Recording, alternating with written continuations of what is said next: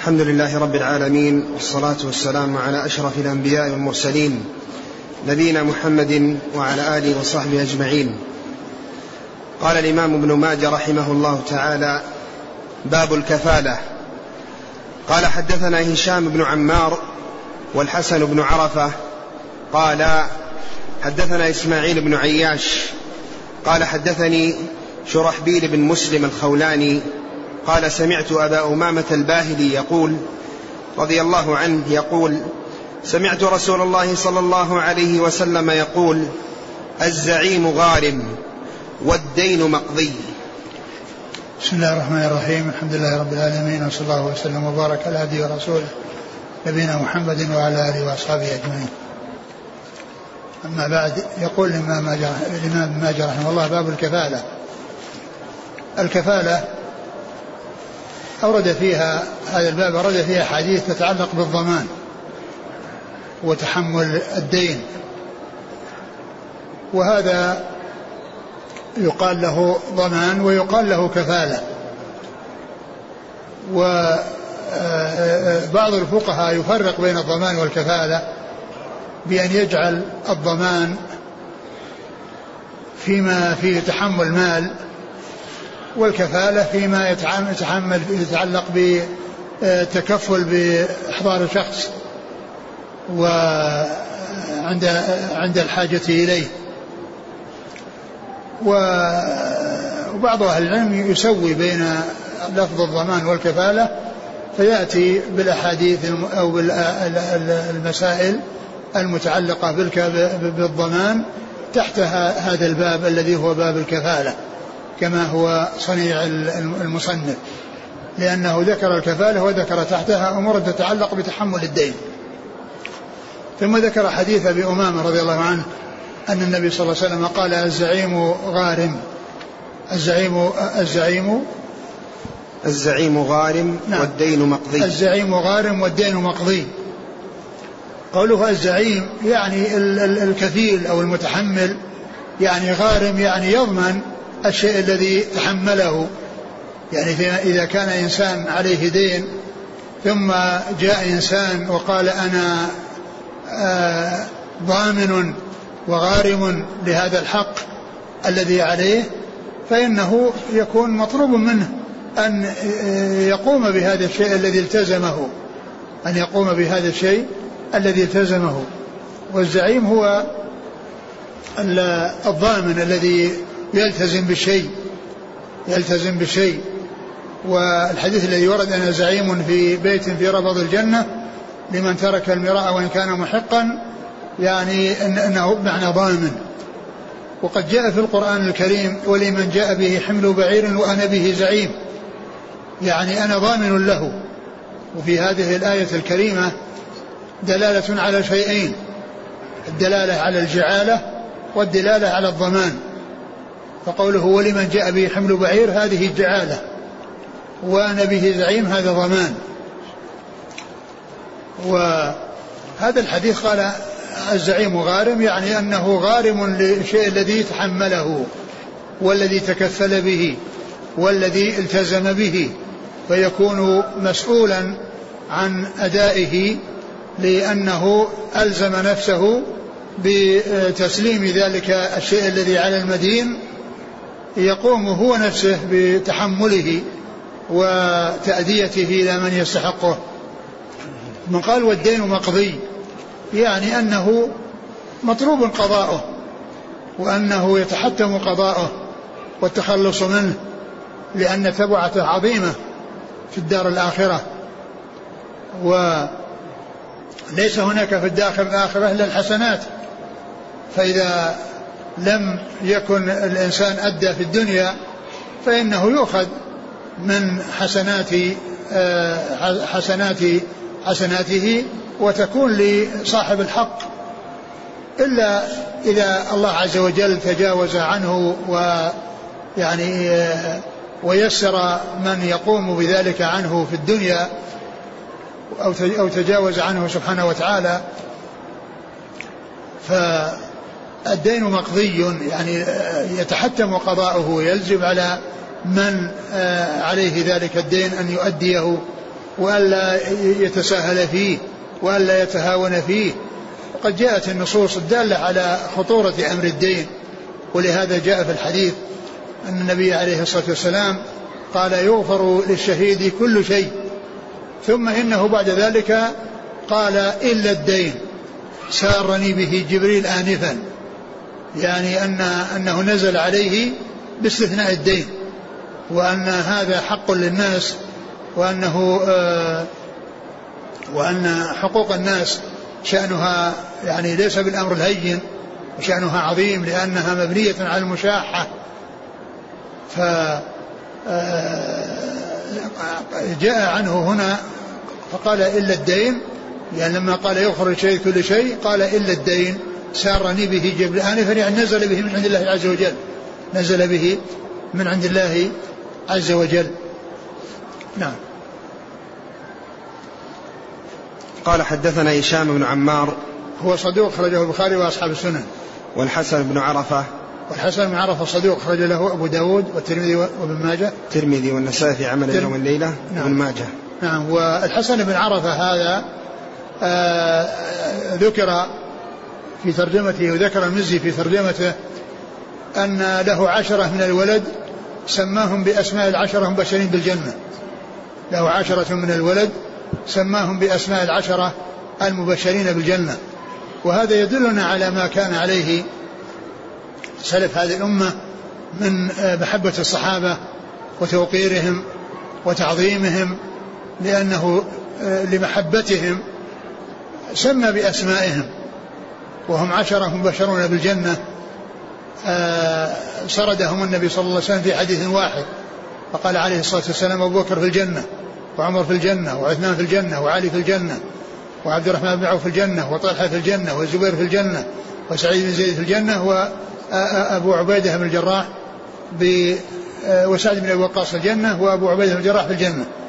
يعني عشرة من الصحابة كل واحد منهم أفرده بجملة مبتدأ وخبر. فلان في الجنة فلان في الجنة فلان في الجنة. فهذا الرجل الذي هو الحسن بن عرفة سمى بأسماء هؤلاء العشرة رضي الله تعالى عنهم وأرضاهم.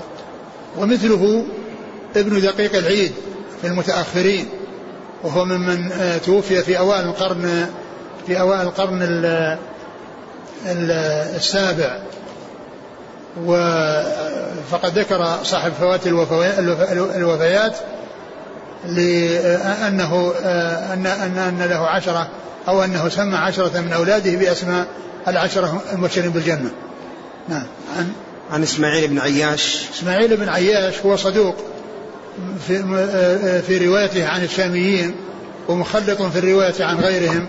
أخرج حديثه. البخاري في رفع اليدين وأصحاب السنن. نعم. قال حدثني شرح شرحبيل بن مسلم الخولاني. وهو ثقة صدوق, صدوق فيه لين نعم. أبو داود والترمذي وابن ماجه. نعم. عن أبي أمام الباهلي. أبو أمام صدي بن عجلان الباهلي رضي الله عنه أخرج له أصحاب الكتب الستة. قال حدثنا محمد بن الصباح. قال حدثنا عبد العزيز بن محمد داراوردي عن عمرو بن أبي عمرو عن عكرمة عن ابن عباس رضي الله عنهما أن رجلا لزم غريما له بعشرة دنانير على عهد رسول الله صلى الله عليه وسلم فقال فقال ما عندي شيء أعطيكه فقال لا والله لا أفارقك حتى تقضيني أو تأتيني بحميل. حتى تقضيني. حتى تقضيني أو تأتيني بحميل. فجره إلى النبي صلى الله عليه وسلم فقال له النبي صلى الله عليه وسلم كم ستنتظره؟ تنتظره. قال كم كم كم تستنظره؟ نعم. فقال شهرا فقال رسول الله صلى الله عليه وسلم فأنا أحمل له. فجاءه في الوقت الذي قال النبي صلى الله عليه وسلم. فقال له النبي صلى الله عليه وسلم من أين أصبت هذا؟ قال من معدن. قال لا خير فيها وقضاها عنه. ثم ذكر هذا الحديث عن ابن عباس رضي الله عنهما أن رجلا لزم غريما له يعني دائن لزم مدينا يطالبه بحقه وألح عليه في طلب الأداء ورفعه إلى النبي عليه الصلاة والسلام وقال كم تنظره كم المدة التي تمهله فيها؟ فقال شهر. فلما مر شهر جاء ذلك الرجل المدين ومعه ذلك أو مقدار يعني من المال ليسدد به. فقال من أين أصبت هذا؟ قال من معدن. قال لا خير فيه. ثم قضى عنه رسول الله عليه الصلاة والسلام. لأن الرسول تحمل عنه قال ائتني بحميل يعني معناه كفيل ضامن. يعني يقوم آه، بالالتزام بالتسديد إذا لم تسدد يعني في ذلك الوقت. فالنبي صلى الله عليه وسلم قال إنه حميل. يعني إنه هو الذي يلتزم بهذا. فلما مضى وأمهله شهر أو حدد المدة التي يمهله فيها بعد مضي الشهر جاء ذلك الرجل المدين ومعه يعني ما يسدد به والنبي صلى الله عليه وسلم سأله فقال من أين أصبت هذا؟ قال من معدن. قال لا خير فيه. آه، وقضاه عنه الرسول عليه الصلاة والسلام لأنه تحمل. فهذا يدلنا على أن الحميل أو الكفيل أو الضامن يقوم مقام من تحمل عنه أو كفله أو ضمن, ضمن آه لدائنه الحق الذي عليه أنه يقوم بذلك وأنه يؤديه. وسواء حصل الأداء من الضامن أو المضمون له فإنه يحصل المقصود. والرسول عليه الصلاة والسلام لما جاءه الرجل بالشيء الذي يريد أن يعطيه لدائنه سأله فقال من أين أصبت هذا؟ قال من معدن. والمقصود والمطلوب هو دنانير وهي الدنانير من الذهب. وقيل يعني أن قوله أنه لما قال من معدن يعني قال إنه لا خير فيه قيل فسر بعدة تفسيرات. يعني كونه معدن وأن الرسول صلى الله عليه وسلم قال لا خير فيه ولم يعني يجعله يسدد منه قيل لأنه قد يكون أنه من ركاز. وأن الركاز أنه ما أدي يعني منه الخمس فيكون يعني فيه شبهة. ومنهم من قال إن أن هذا المعدن أن الذي جاء به إنما هو تبر وهو التراب الذي اختلط به الذهب وأنه لم يكن يعني آآ آآ يعني عند تصفيته وعند تخليصه. يمكن أنه لا يقابل الشيء الذي هو الدنانير المضروبة الدنانير المضروبة وفسر يعني بغير ذلك أو أن أو أن هذه التي أتى بها زائفة يعني يعني بدل الرائجة. ففسر بعدة تفسيرات والرسول صلى الله عليه وسلم لم يجعله يوفي من هذا الشيء الذي فيه شبهة وتحمل عنه الرسول عليه الصلاة والسلام تلك الدنانير العشرة التي تحملها عن ذلك المدين. نعم. قال حدثنا محمد بن الصباح. هو صدوق أخرج له أبو داود بن ماجه. نعم. عن عبد العزيز بن محمد داروردي صدوق أخرج أصحاب الكتب. عن عمرو بن أبي عمرو. وهو ثقة ربما وهم. أخرج له أصحاب الكتب نعم عن عكرمة. مولى بن عباس ثقة أخرج أصحاب الكتب. عن ابن عباس. نعم. قال حدثنا محمد بن بشار قال حدثنا أبو عامر قال حدثنا شعبة عن عثمان بن عبد الله بن موهب قال سمعت عبد الله سمعت عبد الله بن أبي قتادة عن أبيه رضي الله عنه أن النبي صلى الله عليه وسلم اتي بجنازة ليصلي عليها فقال صلوا على صاحبكم فإن عليه دينا. فقال أبو قتادة أنا أتكفل به. قال النبي صلى الله عليه وسلم بالوفاء؟ قال بالوفاء. قال وكان الذي عليه ثمانية عشر أو تسعة عشر درهما. ثم ذكر هذا الحديث عن أبي قتادة. أن النبي صلى الله عليه وسلم قدم له جنازة ليصلي عليها. فقال صلوا على صاحبكم فإن عليه دين. يعني أنه يعني يريد أن لا يصلي عليه لأن عليه دين. والنبي صلى الله عليه وسلم أراد من ذلك أن أن الناس لا يستهينون بأمر الدين وأنهم يستعظمونه ويعني يحرصون على عدم تحمله إلا لضرورة أو يعني أمر يقتضي ذلك وأنه إذا كان عليهم الدين يبادرون إلى التخلص منه حتى لا يكون يأتي إلى الدار الآخرة وهو, وهو مدين. فالرسول عليه الصلاة والسلام كان يعني أراد من ذلك وأن يعني ينبه الناس إلى أن لا أن يهتموا بأمر الدين وألا يتساهلوا فيه. ويعتبروه يعني أمرا هينا لكون النبي صلى الله عليه وسلم هم بترك الصلاة عليه يعني معناه تأديب للناس وزجر للناس عن يتساهلوا في أمر الديون. فتحمل أبو قتادة رضي الله عنه يعني هذا المبلغ وقال أنا أتكفل بذلك يا رسول الله قال بالوفاء يعني أكد ذلك يعني أنه يقوم بالوفاء والتسديد عنه فقال نعم. وكان ذلك المبلغ يعني ثمانية عشر درهما أو تسعة عشر درهما يعني أنه قريب من الدينارين لأن الدينار 12 درهم. وقد جاء في بعض الأحاديث بعض الروايات أنه ديناران أنه ديناران. ولعل يعني يقول ديناران لأن اعتبار جبر الكسر. فيكون لا تنافي بين الرواية التي فيها الديناران والرواية التي فيها تسعة عشر درهما. أو ثمانية عشر درهما. فالرسول عليه الصلاة والسلام هم بالتخلف عن الصلاة عليه ولكن الصلاة عليه تحصل ولهذا قال صلوا على صاحبكم ما تترك الصلاة عليه.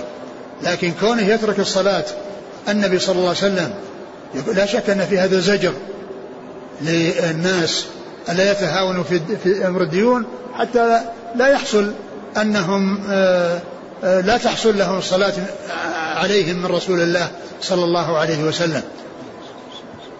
لا يحصل لهم يعني بسببه أن النبي صلى الله عليه وسلم يترك الصلاة عليهم مع أن صلاته عليه الصلاة والسلام فيها الخير وفيها البركة آه، صلوات الله وسلامه وبركاته عليه. فهذا يدل على ما ترجمه المصنف من من التحمل وأنه كما يحصل التحمل عن الأحياء يحصل التحمل عن الأموات. كما أنه يتحمل الديون عن الأحياء فكذلك تتحمل الديون عن الأموات. نعم. هل لأحد أن يفعل هذا بعد موت النبي صلى الله عليه وسلم؟ نعم إذا كان أحد له منزلة ويعني تخلف وأراد يعني والناس إذا عرفوا أنه تخلف يعني يكون ذلك يعني شاق عليهم فيكون في ذلك له الأسوة والقدوة برسول الله عليه الصلاة والسلام. يعني وهذا يعني من أجل من أجل التأديب والزجر. وهذا يكون ممن إذا تخلف يكون له آه، أثر كبير على نفوس الناس. نعم. قال حدثنا محمد بن بشار. محمد بن بشار هو الملقب بن دار ثقة أخرج أصحاب الكتب. عن أبي عامر أبي عامر العقدي وهو أخرج له الكتب الستة. ثقة؟ نعم ثقة أخرجه نعم. قال عن شعبة. شعبة بن الحجاج ثقة أخرج أصحاب الكتب. عن عثمان بن عبد الله بن موهب. وهو؟ أخرجه البخاري ثقة أخرجه البخاري ومسلم والترمذي والنسائي والماجه. نعم. قال سمعت عبد الله بن أبي قتادة. وهو ثقة أخرج أصحاب الكتب. عن أبيه. أبوه قتادة أبو قتادة الحارث بن ربعي رضي الله عنه أخرجه أصحاب الكتب. قال رحمه الله تعالى باب من ادان دينا وهو ينوي قضاءه. قال حدثنا أبو بكر بن أبي شيبة قال حدثنا عبيدة بن حميد عن منصور عن زياد بن عمرو بن هند عن ابن حذيفة هو عمران. عن أم المؤمنين ميمونة رضي الله عنها قال كانت تدان دينا فقال لها بعض أهلها لا تفعلي وأنكر ذلك عليها. قالت بلى إني سمعت نبيي وخليلي صلى الله عليه وسلم يقول ما من مسلم يدان دينا ما من مسلم يدان دينا يعلم الله منه أنه يريد أداءه إلا أداه الله عنه في الدنيا.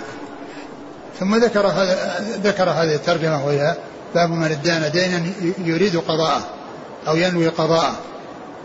يعني من ادان وهو محتاج إلى الدين وعنده العزم والتصميم على أنه يقضي. ليس متلاعب أو متهاون في أموال الناس أو متساهل في أموال الناس لا يبالي هل وصلت إليهم أو, أو لم تصل إليهم. وإنما يكون مشغولا ومهموما في أمر الدين حتى يوصله إلى أهله فهو ينوي ويرغب ويحرص على أن يؤدي ذلك الدين الذي ادانه. فالإنسان عند الحاجة وعندما تدعو الحاجة والضرورة إلى كون الإنسان يستدين يستدين. ولكن يكون في قرارة نفسه أنه يؤدي الدين وأنه يحرص على التخلص من تبعاته بأن يوصل الحق إلى مستحقه. وأم المؤمنين ميمونة رضي الله عنها كانت تدان يعني تستدين يعني الدانة يعني استدان فيعني قيل لها في ذلك فقالت إن النبي عليه الصلاة والسلام إن إن نبيي وخليلي عليه الصلاة والسلام قال من ادان دينا يريد أداءه قضى الله عنه قضى الله عنه دينه في الدنيا. الحديث جاء من من هذه الطريق وفيها طريق فيها ضعف وفيه زيادة في الذي في الدنيا. ولكنه جاء يعني حديث أو شواهد تدل على ما دل عليه بدون ذكر كلمة في الدنيا. فتكون الحديث ثابت بدون كلمة في الدنيا لأنه الدين يؤدي الله عنه ما في الدنيا وما في الآخرة. يؤدي الله عنه في الدنيا وفي الآخرة. فالتخصيص على أنه في الدنيا جاء في بعض الروايات جاء في بعض جاء في هذه الرواية التي في إسنادها ضعف. قال من من ادان من؟ ما من مسلم يدان دينا يعلم الله منه أنه يريد أداءه إلا أداه الله عنه في الدنيا. وهذا قال يعلم الله منه. الله تعالى مطلع على كل شيء ولا يخفى عليه خافية.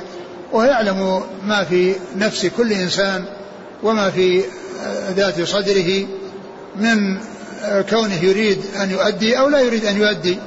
الله تعالى مطلع على ذلك وعالم بذلك وهو بكل شيء عليم سبحانه وتعالى. فمن كان كذلك والله مطلع على ما في قلبه وأنه يريد الأداء فإن الله تعالى يؤدي عنه إما في الدنيا وإما في الآخرة.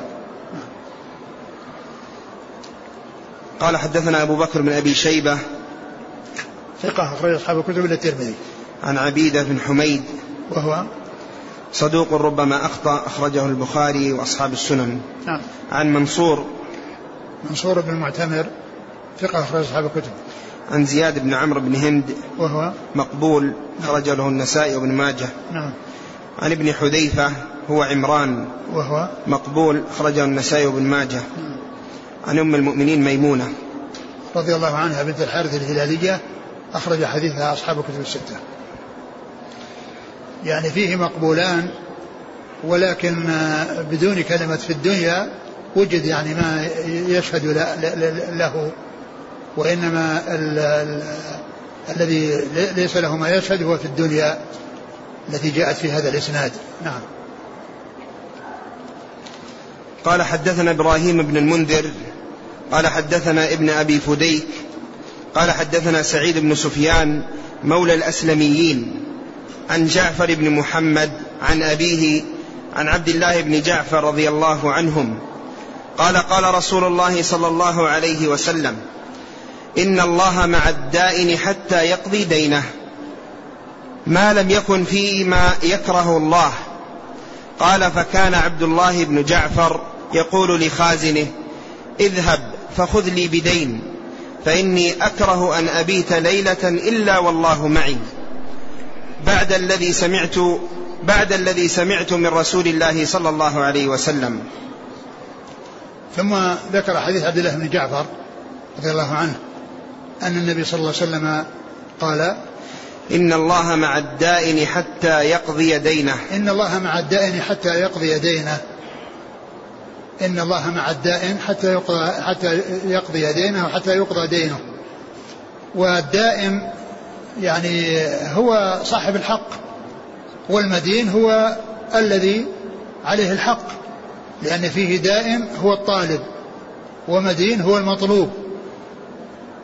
وهنا قال جاء بلفظ الدائن والدائن هو صاحب الحق الذي يعني أعطى الدين أو أعطى المال أو باع إنسانا يعني شيئا وجعل قيمته في ذمته أو أعطاه قرضا مالا قرضا وهو في ذمته ففيه دائن ودين. هنا قال الدائن وهو المتبادر أنه آه، الطالب وصاحب الحق.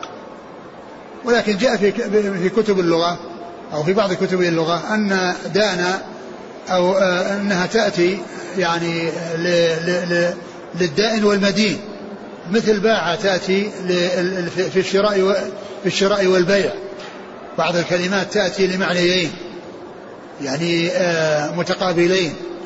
فكذلك هنا يعني دان تأتي بمعنى يعني آه، أعطى وبمعنى ادان أي استدان يعني تأتي للدائن وللمدين وفعل عبد الله بن جعفر رضي الله عنه يعني يدل على ما يدل عليه أنها أن أنها تطلق على المدين لأنه أراد أن يكون مدينا وليس بدائن.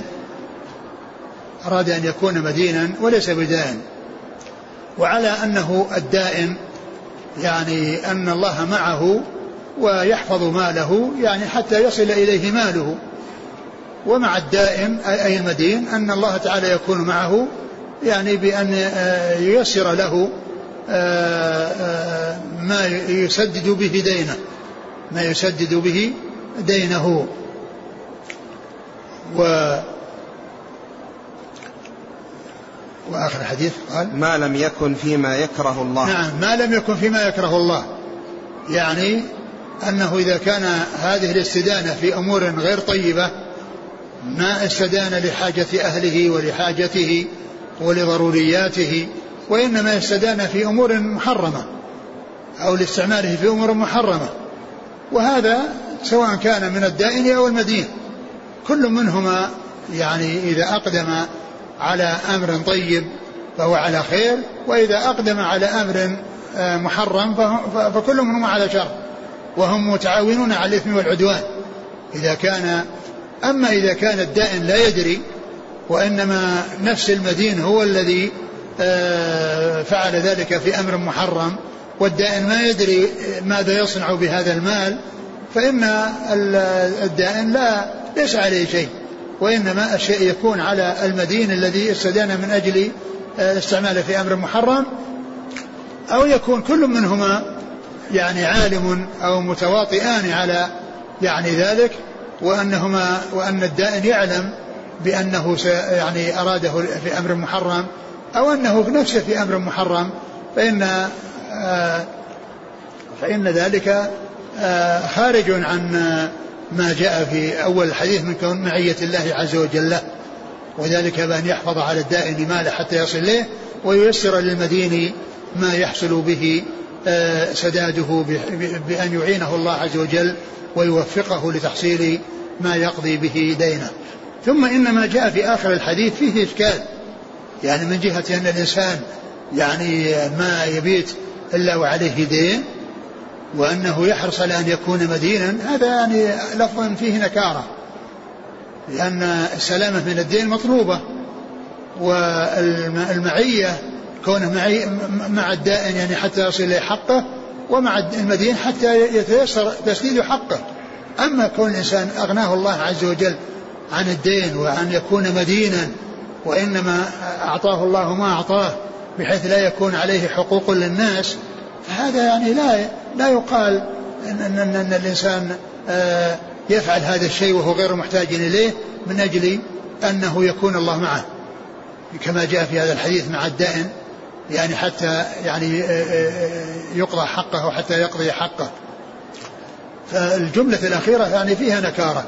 والمتن يعني له يعني ما يدل يعني عليه. ومعلوم أن أن المتن إنما هو إثبات معية الله عز وجل وأن الله تعالى مع الدائن بحيث يوصل إليه حقه ويحفظ عليه حقه ولا يضيع عليه. والداء المدين بأن ييسر له الخلاص. والفكاك من هذا الدين الذي تحمله وهو محتاج إليه وهذا بخلاف من استدان في حرام أو أدان في حرام. وأما الكلام الذي جاء عن الصحابي رضي الله عنه ففيه فهو منكر. نعم. والإنسان الذي سلمه الله من الدين ليس بحاجة إلى أن يكون عليه دين. نعم. قال حدثنا إبراهيم بن المنذر هو صدوق أخرجه له البخاري الترمذي والنسائي وابن ماجه. عن ابن أبي فديك وهو محمد بن إسماعيل صدوق أخرج له أصحاب الكتب نعم. عن سعيد بن سفيان وهو مقبول نعم. أخرج له ابن ماجه نعم. عن جعفر بن محمد جعفر بن محمد هو آه ابن آه جعفر بن محمد بن علي بن الحسين وهو صدوق أخرجه البخاري في المفرد ومسلم وأصحاب السنن عن أبيه. أبي محمد بن علي الباقر وهو ثقة أخرج أصحاب الكتب. عن عبد الله بن جعفر رضي الله عنه. رضي الله عنه رضي الله عنهما أخرج له أصحاب الكتب.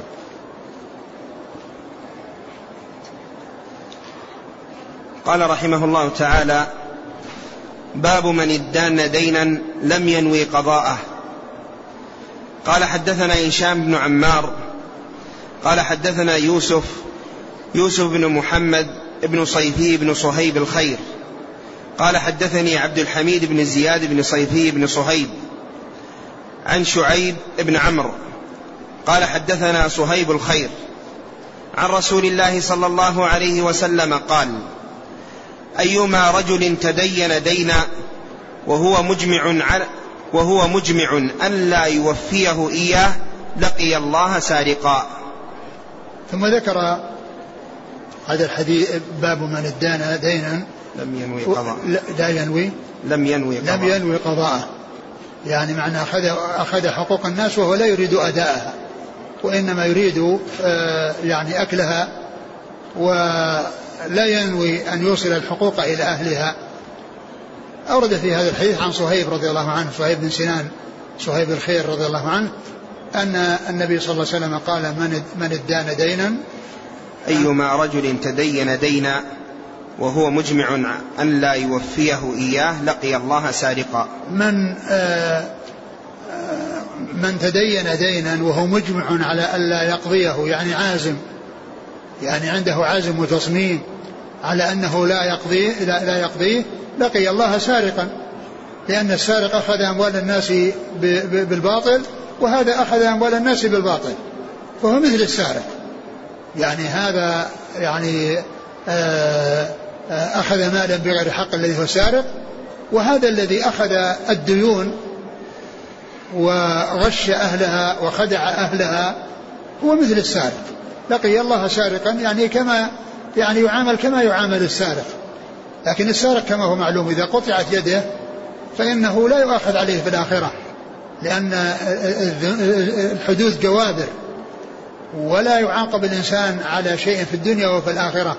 فالحدود إذا أقيمت في الدنيا خلاص حصل جزاءها في الدنيا والعقوبة عليها في الدنيا فلا يعاقب عليها في الآخرة. لأنها جوابر كما هو كما هو معلوم عند أهل السنة. الحدود جوابر وهي في نفس الوقت زواجر جوابر جوابر لمن حصل منه آه، المعصية التي أقيم عليه الحد تجبر نقصه ويكون حصل جزاء في الدنيا وحصل عقوبة في الدنيا وزواجر لغيره. وله أيضا في المستقبل على ألا يقدم على هذا الأمر الذي يستحق عليه هذه العقوبة. فهو لقي الله سارقا يعني السارق الذي آه، لم يقم عليه الحد. أما من أقيم عليه الحد فإن فإنه لا يؤخذ على سرقته في الدار الآخرة حيث أقيم عليه الحد في الدنيا. ومعنى ذلك أن أن كل منهما اشترك في أخذ المال بالباطل.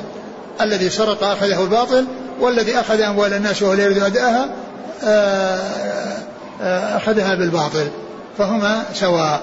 ولكن ذكر السارق لشناعته ولكونه واضح عند الناس أنه من أسوأ ما يكون فشبه به للتنفير من مثل هذا العمل. نعم والحديث في إسناده رجل متكلم فيه ولكن جاء يعني آه، شواهد تدل على ما دل عليه. والمعنى واضح من حيث صحته وسلامته يعني أن أنه لا فرق بين هذا وهذا لأن كل منهم آه، أكل أموال الناس بالباطل. نعم. قال حدثنا هشام بن عمار نعم صدوق أخرجه البخاري وأصحاب السنة. عن يونس بن محمد وهو مقبول أخرج له ابن ماجه. قال عن عن عبد الحميد بن زياد يوسف يوسف بن محمد نعم. بن صيفين. نعم. قال حدثني عبد الحميد بن زياد بن صيفي بن صهيب وهو؟ لين الحديث نعم. أخرجه ابن ماجه. نعم. عن شعيب بن عمرو وهو؟ مقبول أخرج له ابن ماجه. نعم. عن صهيب الخير رضي الله عنه. صهيب الخير هو صهيب بن سنان وقال له صهيب الخير صهيب الرومي رضي الله عنه أخرج له أصحاب الكتب. والحديث في إسناده هؤلاء المتكلم فيهم ولكن له شواهد آه، تدل على ما دل عليه. قال حدثنا إبراهيم بن المنذر الحزامي قال حدثنا يوسف بن محمد بن صيفي عن عبد الحميد بن زياد عن أبيه عن جده صهيب رضي الله عنه عن النبي صلى الله عليه وسلم نحوه. نعم قال حدثنا إبراهيم بن المنذر الحزامي نعم. صدوق أخرج له البخاري نعم. الترمذي والنسائي وابن ماجه. نعم. عن يوسف بن محمد بن صيفي عن عبد الحميد بن زياد عن أبيه. نعم. صدوق أخرج له ابن ماجه. نعم. عن جده صهيب. نعم. رضي الله قال حدثنا يعقوب بن حميد بن كاسب. قال حدثنا عبد العزيز بن محمد عن ثور بن زيد الديلي عن أبي الغيث مولى بن مطيع. عن أبي هريرة رضي الله عنه أن النبي صلى الله عليه وسلم قال من أخذ أموال الناس يريد إتلافها أتلفه الله. ثم ذكر هذا الحديث عن أبي هريرة أن النبي صلى الله عليه وسلم قال من اراد أخذ أموال الناس يريد إتلافها. يعني تضييعها على أصحابها. يعني هو طبعا يعني هو يعني يريد أن يستفيد منها. ولكنه آه، لا يريد أداءها وإنما يريد تضييعها على أصحابها وتفويت الانتفاع بها على أصحابها. أتلفه الله عز وجل بأن جازاه آه، بمثل عمله. فإن الجزاء من جنس العمل الجزاء من جنس العمل وهذا يدل على خطورة أخذ أموال الناس من آه، وهو لا يريد أن يوصلها إليهم وإنما يريد تضييعها عليهم بأي طريقة تضيع بها عليهم فإن الله تعالى يعاقبه بمثل جرمه ومن نوعه فإن الجزاء من جنس العمل. وكثيرا ما يأتي الأحاديث أحاديث عن النبي صلى الله عليه وسلم فيها الجزاء من جنس العمل. نعم. قال حدثنا يعقوب بن حميد بن كاسب. هو صدوق أخرج له. صدوق ربما وهم أخرج له البخاري في خلق أفعال العباد وابن ماجه. نعم. عن عبد العزيز بن محمد. نعم. جرى وردي صدوق أخرج أصحاب الكتب. عن ثور بن زي بن ثقة أخرج له. أخرج له أصحاب الكتب. نعم. عن أبي الغيث. وهو؟ سالم. ثقة أخرج له أصحاب الكتب الستة. نعم. عن أبي هريرة. نعم. هذا يقول إذا ادان أحد دينا فنسي كم كان عليه الدين. آه، إذا ادان دينا ونسي أن يكون كم عليه إذا كان الدائن يعرف ذلك وأخبره فإنه يعطيه وإذا كان كل منهما قد نسي فإنه يجتهد أو يتفق مع صاحبه على شيء يعطيه إياه وكل منهما يسامح الآخر. نعم. قال رحمه الله تعالى باب التجديد في الدين. قال حدثنا حميد بن مسعدة قال حدثنا خالد بن الحارث قال حدثنا سعيد عن قتادة عن سالم بن أبي الجعد عن معدان بن أبي طلحة عن ثوبان مولى رسول الله صلى الله عليه وسلم ورضي الله عنه عن رسول الله صلى الله عليه وسلم أنه قال من فارق الروح الجسد وهو بريء من ثلاث دخل الجنة من الكبر والغلول والدين. ثم ذكر هذه الترجمة باب التغليظ في الدين يعني بيان خطورته وغلظ أمره وما جاء فيه من الوعيد والتهديد هذا هو مقصود بالتغليظ. ثم ذكر هذا الحديث الذي آه، فيه أن من فرق الروح الجسد يعني من مات وهو بريء من ثلاث يعني في بعض النسخ جاء الكبر وفي بعضها الكنز وهو أقرب لأنه هو المطابق للأمور الباقية لأنها كلها تتعلق بالمال.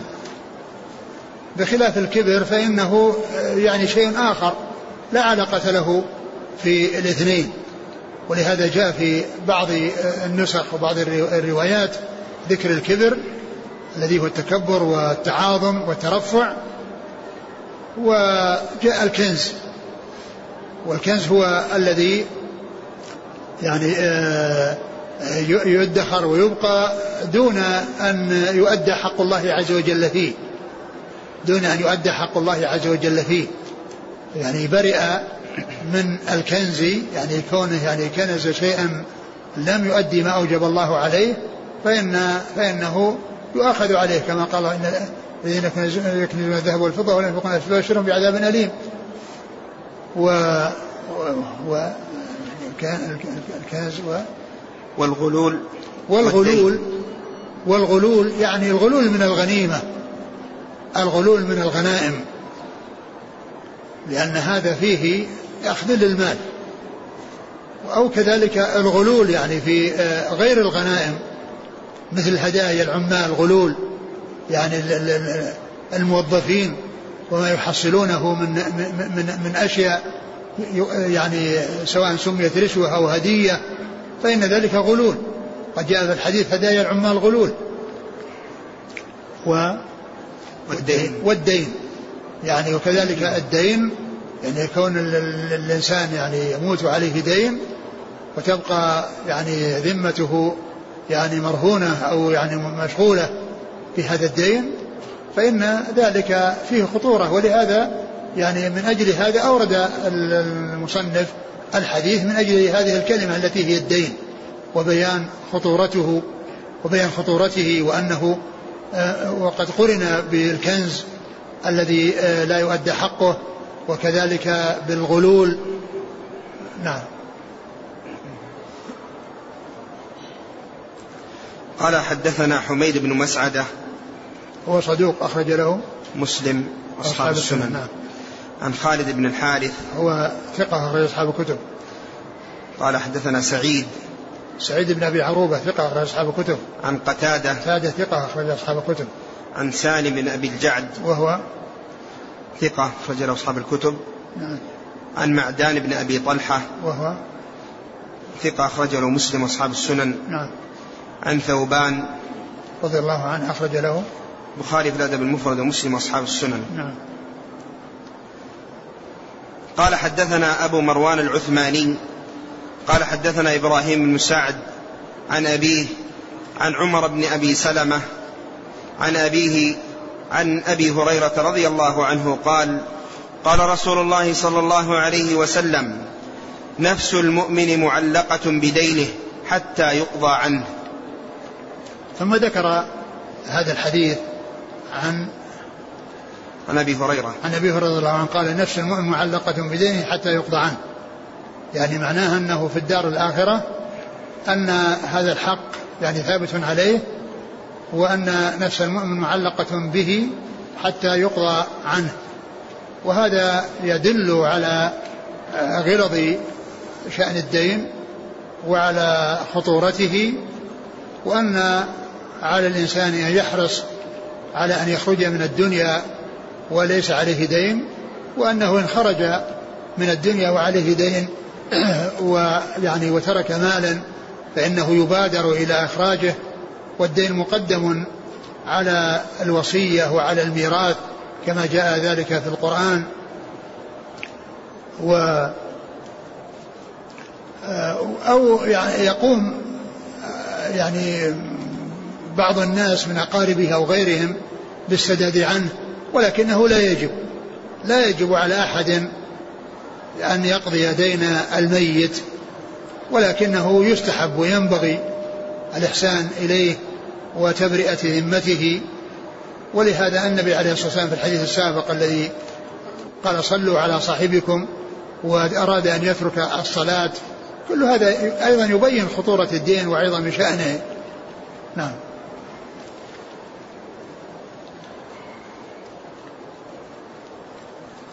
قال حدثنا حدثنا أبو عم أبو عم أبو مروان العثماني. هو محمد بن عثمان صدوق يخطئ. نعم. أخرج له النسائي في الخصائص وابن ماجه. نعم. قال حدثنا إبراهيم بن سعد. وهو ثقة. أخرج له أصحاب الكتب. نعم عن أبيه. عن أبيه. وهو ثقة أخرج له أصحاب الكتب. نعم. عن عمر بن أبي سلمة. وهو صدوق يخطئ نعم. أخرجه البخاري تعليقا أصحاب السنن. نعم. عن أبيه. أبو سلمة بن عبد الرحمن بن عوف. ثقة أخرج أصحاب الكتب. عن أبي هريرة. نعم.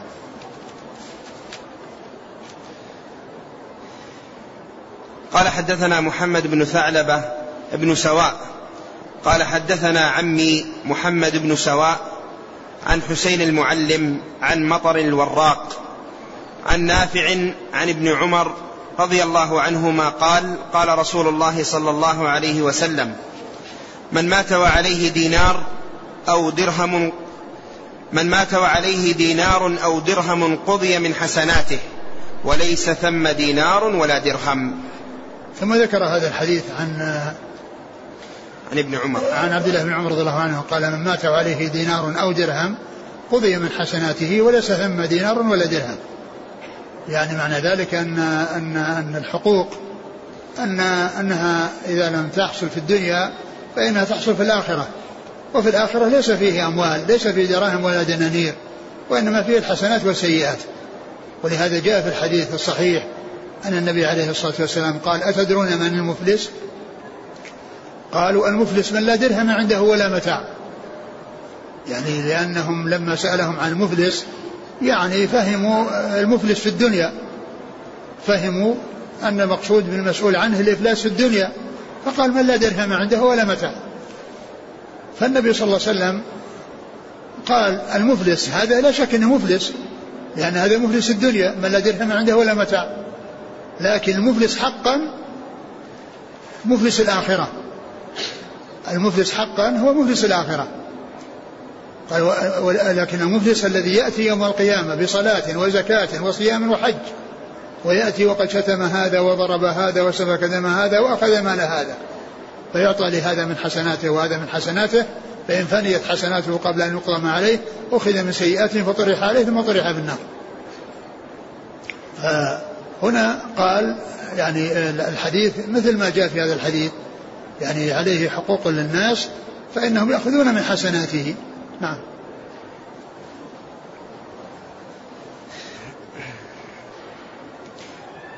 قال حدثنا محمد بن ثعلبة بن سواء.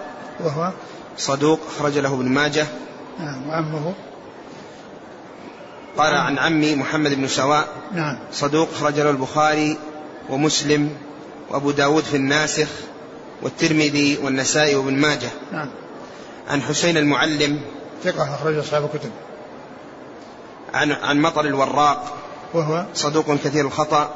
أخرج له البخاري تعليقا ومسلم أصحاب السنن. نعم. عن نافع. مولى بن عمر ثقة أخرج أصحاب الكتب. عن ابن عمر. نعم. قال رحمه الله تعالى باب من ترك دينا أو ضياعا فعلى الله وعلى رسوله. قال حدثنا أحمد بن عمرو بن السرح المصري. قال حدثنا عبد الله بن وهب قال أخبرني يونس عن ابن شهاب عن أبي سلمة عن أبي هريرة رضي الله عنه أن رسول الله صلى الله عليه وسلم كان يقول إذا توفي المؤمن في عهد رسول الله إذا توفي المؤمن في عهد رسول الله صلى الله عليه وسلم وعليه الدين فيسأل هل ترك لدينه من قضاء؟ فإن قالوا نعم صلى عليه. وإن قالوا لا قال صلوا على صاحبكم. فلما فتح الله على رسوله صلى الله عليه وسلم الفتوح قال أنا أولى بالمؤمنين من أنفسهم. فمن توفي وعليه دين فعلي قضاؤه ومن ترك مالا فهو لورثته. ثم ذكر باب من ترك دينا أو ضياعا فعلى الله وعلى رسوله. نعم. من ترك دينا يعني أن عليه دين. و وليس له وفاء. أو ترك ضياعا يعني أولاد.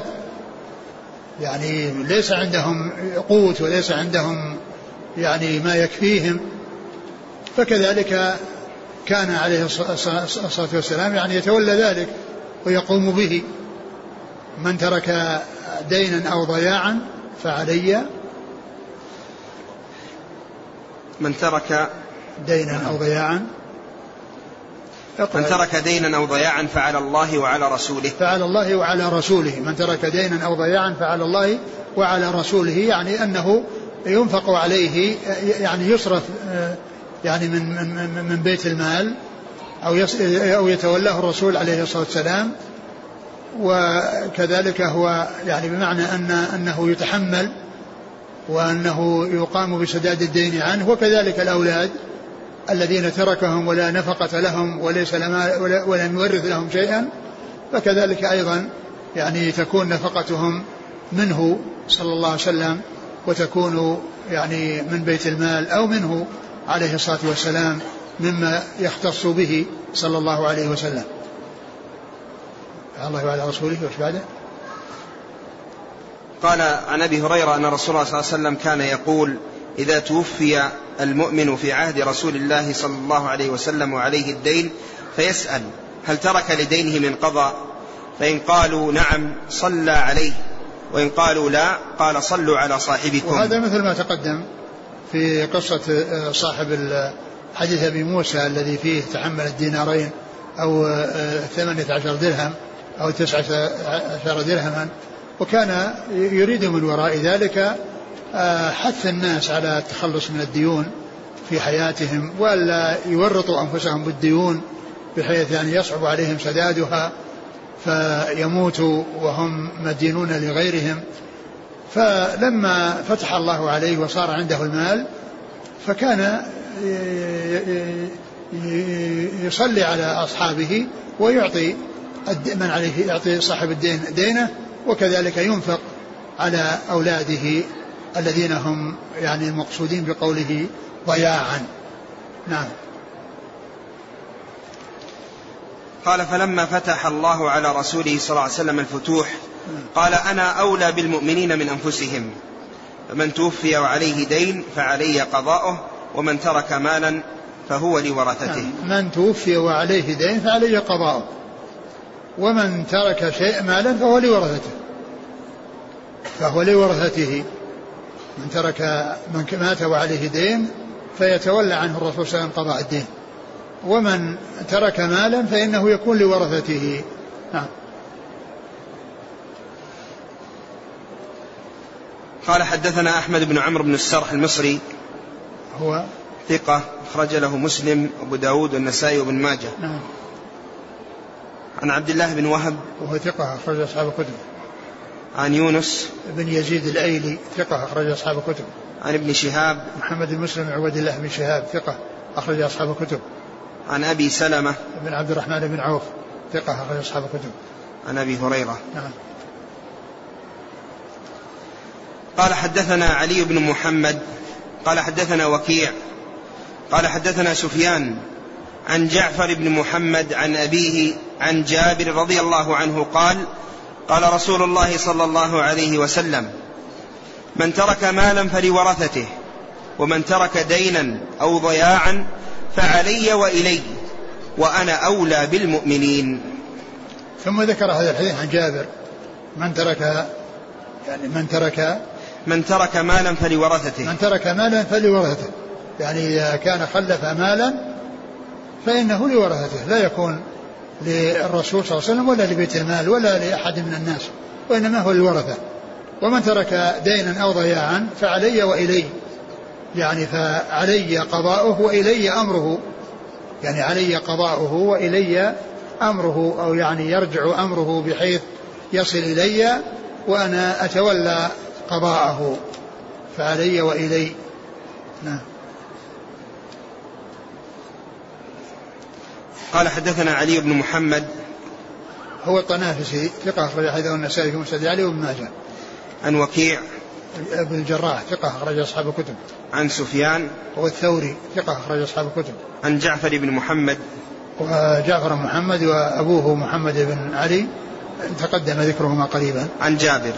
جابر جابر بن عبد الله هو رضي الله عنهما هو أحد السبع المكثرين من حديث الرسول صلى الله عليه وسلم.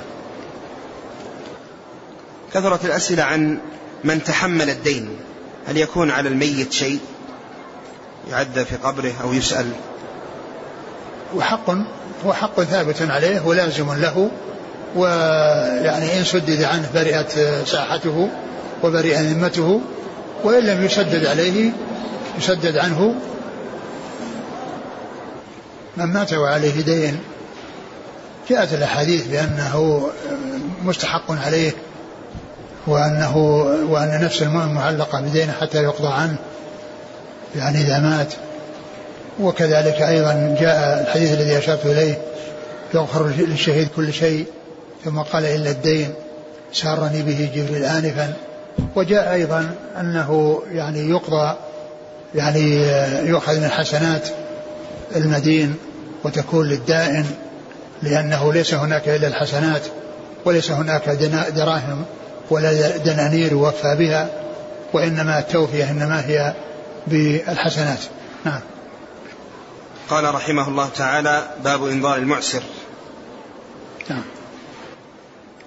قال حدثنا أبو بكر بن أبي شيبة قال حدثنا أبو معاوية عن الأعمش عن أبي صالح عن أبي هريرة رضي الله عنه قال قال رسول الله صلى الله عليه وسلم من يسر على معسر يسر الله عليه في الدنيا والآخرة. ثم ذكر باب انظار المعسر. المعسر هو الذي آه، حل الدين عليه وليس عنده سداد. وليس عنده سداد. فإنه ينظر ويمهل. وإن تصدق عليه بإسقاط دينه كله أو بعضه فذلك خير وأحسن.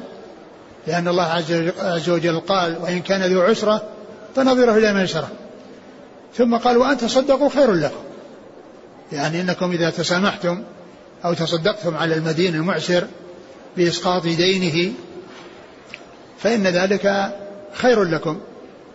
فإنظار المعسر جاء في كتاب الله وفي سنة رسوله عليه الصلاة والسلام وهو إمهاله وعدم الإضرار به يعني حيث لا يكون عنده آه، شيء من السداد. وأورد المصنف رحمه الله عدد من الأحاديث من هذا الحديث عن أبي هريرة رضي الله عنه أن النبي قال من يسر على معسر يسر الله عليه في الدنيا والآخرة. من يسر على معسر يسر الله عليه في الدنيا والآخرة. والتيسير على المعسر يكون آه، بإعطائه يعني بحيث يعطيه شيء من المال يعني يزول به عسره. أو كذلك إذا كان دائنا له يمهله و أو يسقط عنه الدين كله أو بعضه. وفي الحديث أن الجزاء من جنس العمل. من يسر على معسر يسر الله عليه في الدنيا والآخرة. من يسر على معسر يسر الله عليه في الدنيا والآخرة. الجزاء من جنس العمل. والتسير عليه بأن يعطيه يعني ما يذهب به عسره أو ما يخفف عنه عسره وإن كان دائنا آه، أنظره وأفضل من ذلك أن يسقط عنه الدين كله أو بعضه. وهناك مسألة يعني يكثر السؤال عنها ويتردد السؤال عنها وهي أن الإنسان إذا كان عليه له دين على إنسان هل آه، يقتطع جزءا من الزكاة ويقول أننا أخذنا أو أن فيه مقدار من الزكاة يعني بدل أن نعطيك إياه نستوفي به هذا لا يجوز. بل المعسر يعطى يعطى من من الزكاة ويعطى من المال. يعني لا لا يوفى أو الإنسان يستوفي دينه من بالزكاة. إذا كان له ديون تكون مهمة الزكوات أنها تصرف في سداد الديون. المعسرون يعطون من الزكاة ويعطون من غير الزكاة. ولا تتخذ الزكاة وقاية للمال بحيث أنها تصرف يعني فيه يعني في الدين بإسقاط عن بإسقاط يعني ما يقابلها عن المدين فتكون الزكاة بذلك صارت ذهبت لاستيفاء الحقوق من الدائنين على المدينين ولا تصل للفقراء والمساكين. فالفقير المعسر المدين يعطى من الزكاة ولكن ما تسقط الزكاة بمعنى أننا نستوفي. هذا الحق من الزكاة. يعني كثيرا ما يسأل عن هذا وهو عمل غير صحيح وغير سائغ فالفقراء المعسرون يعطون من الزكاة ولا تستوفى الحقوق منهم بواسطة الزكاة نعم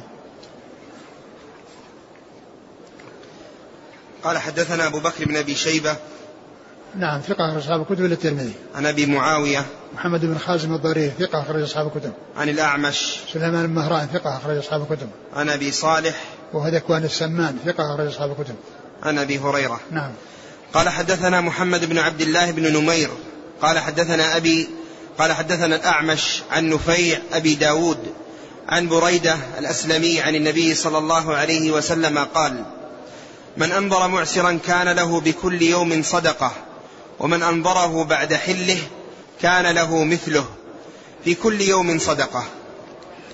ثم ذكر هذا الحديث عن عن بريدة. عن بريدة بن العصيب الأسلمي رضي الله عنه. قال من أنظر معسرا كان له في كل يوم صدقة فإذا أنظره بعد حله كان له مثله. يعني أنه إذا أنظره آآ آه، آآ آه، يعني إذا كان يعني ليس هناك يعني ليس هناك أمد بأن يكون قرض وليس له أمد وكل يوم ينظره فإنه له به على صدقة.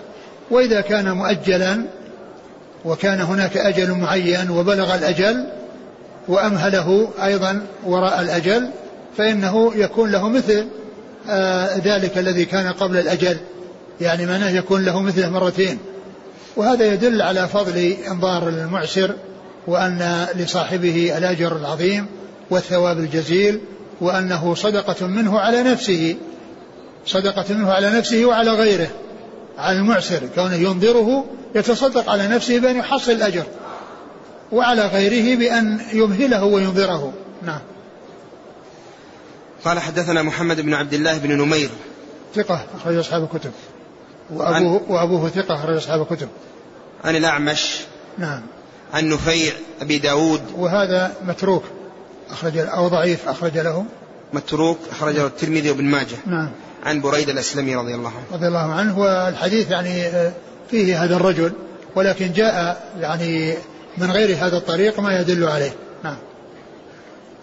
قال حدثنا يعقوب بن إبراهيم الدورقي قال حدثنا إسماعيل بن إبراهيم عن عبد الرحمن بن إسحاق عن عبد الرحمن بن معاوية عن حنظلة عن حنظلة بن قيس عن أبي اليسر صاحب النبي صلى الله عليه وسلم. قال قال رسول الله رضي الله عنه قال قال رسول الله صلى الله عليه وسلم من أحب أن يظله الله في ظله فلينظر معسرا أو ليضع عنه. أو ليضع له. ثم ذكر هذا الحديث عن أبي اليسر رضي الله عنه. من أحب أن يظله الله في ظله فلينظر معسرا أو يضع عنه. يعني إنظاره آه، فيه خير وكونه يضع عنه أحسن أحسن وأولى. كما قال وإن كان ذو عسرة فنظر إلى المسألة وأن تصدقوا خير لكم. يعني بأن تضعوا عنه الدين كله أو بعضه. نعم. قال حدثنا يعقوب بن إبراهيم الدورقي.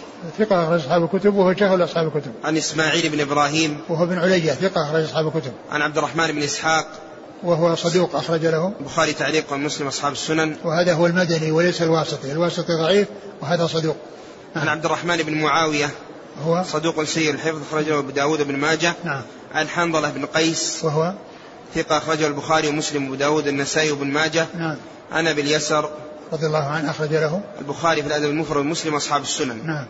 قال حدثنا محمد بن بشار قال حدثنا أبو عامر قال حدثنا شعبة عن عبد الملك بن عمير قال سمعت ربعي بن خراش. خراش.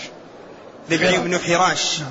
رضي الله عنه يحدث عن حذيفة رضي الله عنه عن النبي صلى الله عليه وسلم قال أن رجلا مات فقيل له ما عملت. فإما ذكر أو ذكر.